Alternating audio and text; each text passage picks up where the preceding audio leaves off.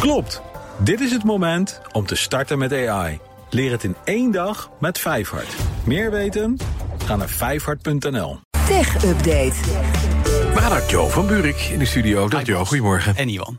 Apple gaat je data beter beschermen en stopt met een controversieel plan wat ze hadden tegen kinderporno. Twee behoorlijk uiteenlopende onderwerpen Ja. die toch veel met elkaar te maken hebben. En dat gaan we toelichten. Belangrijk om te weten is, als je eh, iPhone gebruiker bent bijvoorbeeld, dat er diverse nieuwe features komen die jouw foto's, notities en andere gegevens veiliger moeten gaan bewaren. Vooropgesteld door meer eind-tot-eind versleuteling, encryptie eh, van gegevens in je iCloud mogelijk te maken. Dat gebeurde al voor sommige gegevens, bijvoorbeeld voor dingen over je gezondheid, je wachtwoorden, in je betalingsinformatie, maar ook bijvoorbeeld je berichten en je bestanden gaan nu beter beveiligd worden tegen hackers. Het betekent trouwens ook dat Apple niet meer dat soort gegevens aan overheden kan geven als daarom gevraagd wordt, inclusief dus de eigen Amerikaanse. Dat is best een stap eh, in het eh, kader van de privacy. Let wel, dit geldt dan nog niet voor dingen als e-mails, contacten en je agenda, want eh, die gegevens moeten ook uitgewisseld kunnen worden met apps van andere Ja. partijen. Ja, ja, precies. En dus kan daar niet, niet zo'n hoge maat van versleuteling worden toegepast. Nu is het al beschikbaar in de VS, begin 2023 in andere landen. Er komt ook nog een nieuwe beveiligingsmogelijkheid voor iMessage, zodat je kan verifiëren wie je gesprekspartner is via een code. En dan nog even over die strijd tegen kinderporno. Ja, op zich natuurlijk heel belangrijk, nobel. Maar eh, vorig jaar was er best wel wat kritiek op Apple toen ze hadden aangekondigd een systeem te ontwikkelen dat op devices van mensen zelf kan scannen naar zulke afbeeldingen. Maar dat leverde toch wel een boel kritiek op van privacy-experts, want dan wordt het wel heel erg Big Brother. Dus daarvan heeft Apple nu ook laten weten, dat gaan we toch niet doen. Oké. Gaat een stapje te ver. Dan, omdat het de laatste dagen een beetje stil is. Hè? Mhm. Hoe gaat het met eh, Twitter en Musk? Ja, gek hè? Hoeveel, hoeveel vinkjes zijn er nu? Ja, nou ja, nou, daar komen we zo op. Maar we hebben maandenlang natuurlijk bijna dagelijks over Twitter Ja, en Musk gehad. Vorige week hadden we nog dat korte relletje richting Apple... wat met de sister afliep eh, nadat eh, Musk en Tim Cook hadden ontmoet. Ja, we hadden Maar- gisteren natuurlijk nog wel het verhaal dat in het hoofdkantoor van Twitter eh, allemaal hotelkamers zijn Ja, gebouwd voor mensen die extreem hard willen werken. Dat- die kunnen dat- er ook dat- extreem hard dat- tukken. precies, dat suddert een beetje door. Ja, maar precies. het gaat niet meer over de, de business development. Nee. Of toch wel, want Information heeft een artikel over de prijs van Twitter Blue. Dat betaalde abonnement om onder Mhm. meer dat felbegeerde blauwe vinkje te krijgen. Dat zou niet 8 dollar gaan kosten, maar 11 dollar. Maar dan alleen als je afrekent Oh ja. in de iPhone-app. Want als je via de site van Twitter afrekent, dan kun je voor 7 dollar per maand al klaar zijn. Je voelt het al aankomen. Nee, ik zie 30% verschil. Precies, dat Ja. is het verschil. Wat een toeval. Nou, helemaal geen toeval, want dat gaat natuurlijk om die 30% commissie die anders aan Apple moet worden afgedragen.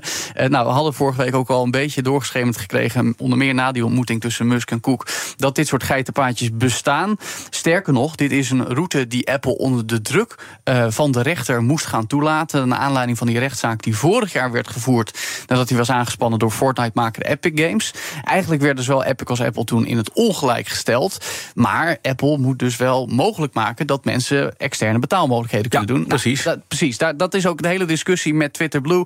En Musk die ontdekt het. hé, hey, wacht eens even. Op die manier kan ik Zo wel kan geld ik verdienen. Wel geld verdienen. En als je dus En direct toch- bij mij. Precies, maar als je dus toch per se in die iOS-app wil afrekenen Ja. voor je Twitter Blue, Betaal dan meer. betaal je gewoon meer. Ja, dat, Ik snap niet dat eh, Musk dat überhaupt dan toestaat. Eh, gooi de hele betaalmethode in de Twitter-app eruit... en doe het alleen via je eigen platform. Dan ben je van het hele Apple af. Ja, maar er zijn toch heel veel mensen die in het kader van gebruiksgemak Ja, en simpel in één keer klaar. En misschien ook wel gewoon te veel geld hebben. En die denken, nou, Zal dan wel. betaal ik maar meer. Weet je, mensen interesseert het dan gewoon Nee, niet. Dat, dat, dat is ook veelzeggend. Maar het is ook wel interessant Ja. dat het dan zo kan gaan zoals het nu gaat.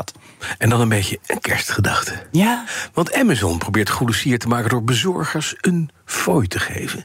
Doen ze niet zelf, dat doen ze pas op het moment dat jij dat zegt. Ja, letterlijk. Want je moet letterlijk zeggen tegen je slimme speaker van Amazon: Alexa, bedank mijn bezorger. Ja. En dan zijn- krijgen ze 5 dollar extra van de werkgever. En werkt het ook in Nederland? Eh, dat weet ik niet. Eh, in ieder geval voor Amerikaanse mensen geldt Ja, dit. Eh, daar schrijft onder meer TechCrunch over. Maar dat mag ook wel. Want december is natuurlijk de hel voor zulke bezorgers. Dat is trouwens een citaat uit een artikel van Vice. De hel. Daar lezen we dat bezorgers zeker in de feestmaand... echt tot heel laat op de avond moeten doorwerken. Normaal zijn ze echt wel om zes uur klaar. Maar eh, in december vaak pas rond 11 uur s'avonds zijn ze thuis.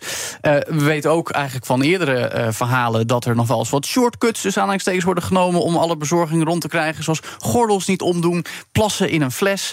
Om maar te zorgen dat je je route binnen de gestelde tijd afmaakt. Nou, nou goed, dan denk je leuk dat Amazon aan de bezorgers denkt door via uh, Alexa fooien te gaan uitkeren. Sterker nog, de bezorger met de meeste uh, fooien krijgt aan het eind van de rit, letterlijk en figuurlijk, ook nog een bonus van 100.000 dollar. En mag 10.000 aan een goed doel toewijzen. En dat doet Amazon allemaal omdat ze binnenkort 15 miljard bezorgde pakjes gaan aantikken. Oh, hallo! Even in context. Gewoon dubbel de wereldbevolking aan Ja. pakjes. Um, maar bij elkaar uh, zal dat dan nou ja, ongeveer 5 miljoen dollar uitkering aan bezorgers worden. Maar om dat even in perspectief te plaatsen. Engadget heeft berekend dat alleen al in 2021 Amazon 4,3 miljoen dollar heeft uitgegeven aan advocaten die vakbonden moeten tegenwerken. Oké, dus ja, maar goed. Dus, ja. Dank je. Dus als je, maar als je bezorger dus wat extra wil geven, dan zeg je Alexa, bedankt mijn bezorger. Ja. Werkt dat ook hier dat wij kunnen zeggen. Nee, dat, als we het nu zeggen, zet je Als Alex even aan. hoofdredacteur, M- Mark, Oh, bedankt, mijn, Mark Ja. bedankt mijn presentator, dat het dan geregeld wordt. Kijk eens Ja. of je, kijk eens of je bank Staat, hebt. ja, eh, of, of- of misschien, misschien moeten we Tikkie even vragen om dan een soort, soort deal te Blijf gewoon, maken. blijf gewoon lachen. Wel veel boekenbonnen. Mensen mogen ook gewoon via de slimme speaker BNR bedanken voor het nieuws elke dag. Oh ja, is dat zo? Natuurlijk, ja, dat, dat werkt dan weer wel. Maar je er- kan, maar er gebeurt er jaren. niks. Nee, dat, Nee, dat, wat wordt er dan gezegd? Graag gedaan. Zoek het uit. Nou, dat zeggen wij dan bij deze. ik begrijp je verzoek niet.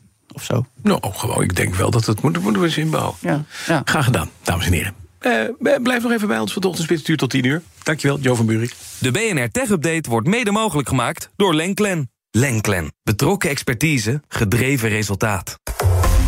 Klopt. Dit is het moment om te starten met AI. Leer het in één dag met Vijfhart.